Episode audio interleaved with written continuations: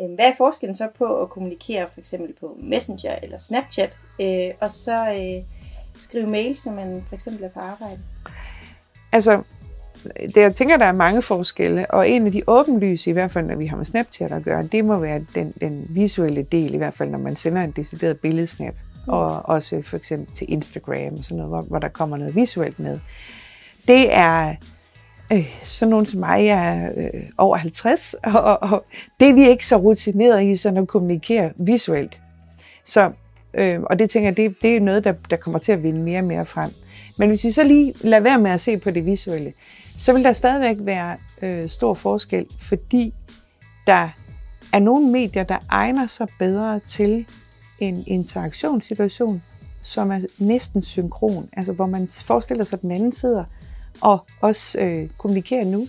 Og ved en del af systemerne, der kan man jo se, om den anden har set det, man har sendt, og den anden læst det, osv.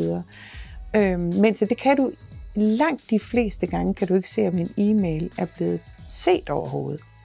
Så, så, så man skal lige pludselig vende sig fra at have sådan et system, hvor man regner med, at man får svar ret hurtigt, eller kan se, at den anden i det mindste har læst det, og så til at sende en e-mail afsted, hvor man tænker, kan vide, om den overhovedet er kommet det rigtige sted hen? Har jeg skrevet adressen fuldstændig korrekt, hvis man sender til en, man aldrig har sendt til før?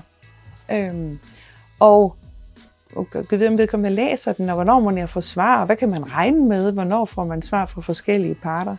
Øh, der vil der jo også være stor forskel. Så det skaber nogle forventninger, øh, hvis man kan se, at øh, modtageren har set ens besked, ligesom man kan i Messenger. Ja.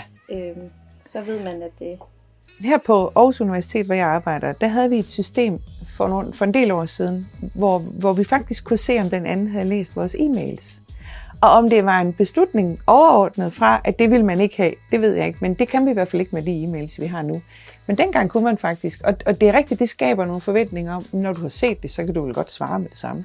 Igen, ligesom en samtale. Hvis jeg spurgte, hvis du, nu, hvis du spørger mig om noget, og jeg så ingenting siger. Så det er lidt uhøfligt, at man kan se det lille ikon.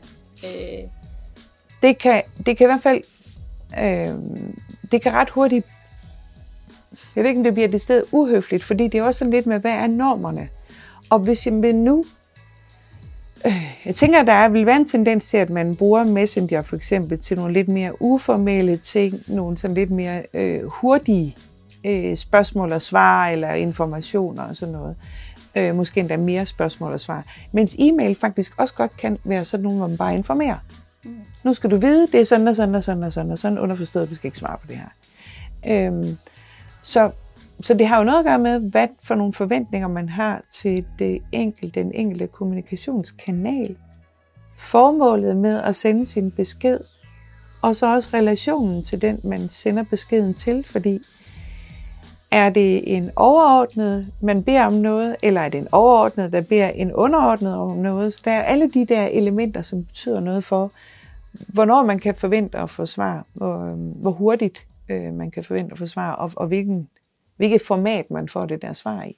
Og på Messenger er det tit venner og familie, så der er ikke så meget overordnet og underordnet, som der måske er i, i ja. arbejdsmails. Altså, jeg tror også, der er nogen, der arbejder øh, professionelt med Messenger for eksempel, men det er nok de færreste. Ja. Så når man kommer ind i et arbejdsforhold, så vil det tit være enten sms, fordi det er der jo også nogen, der arbejder med.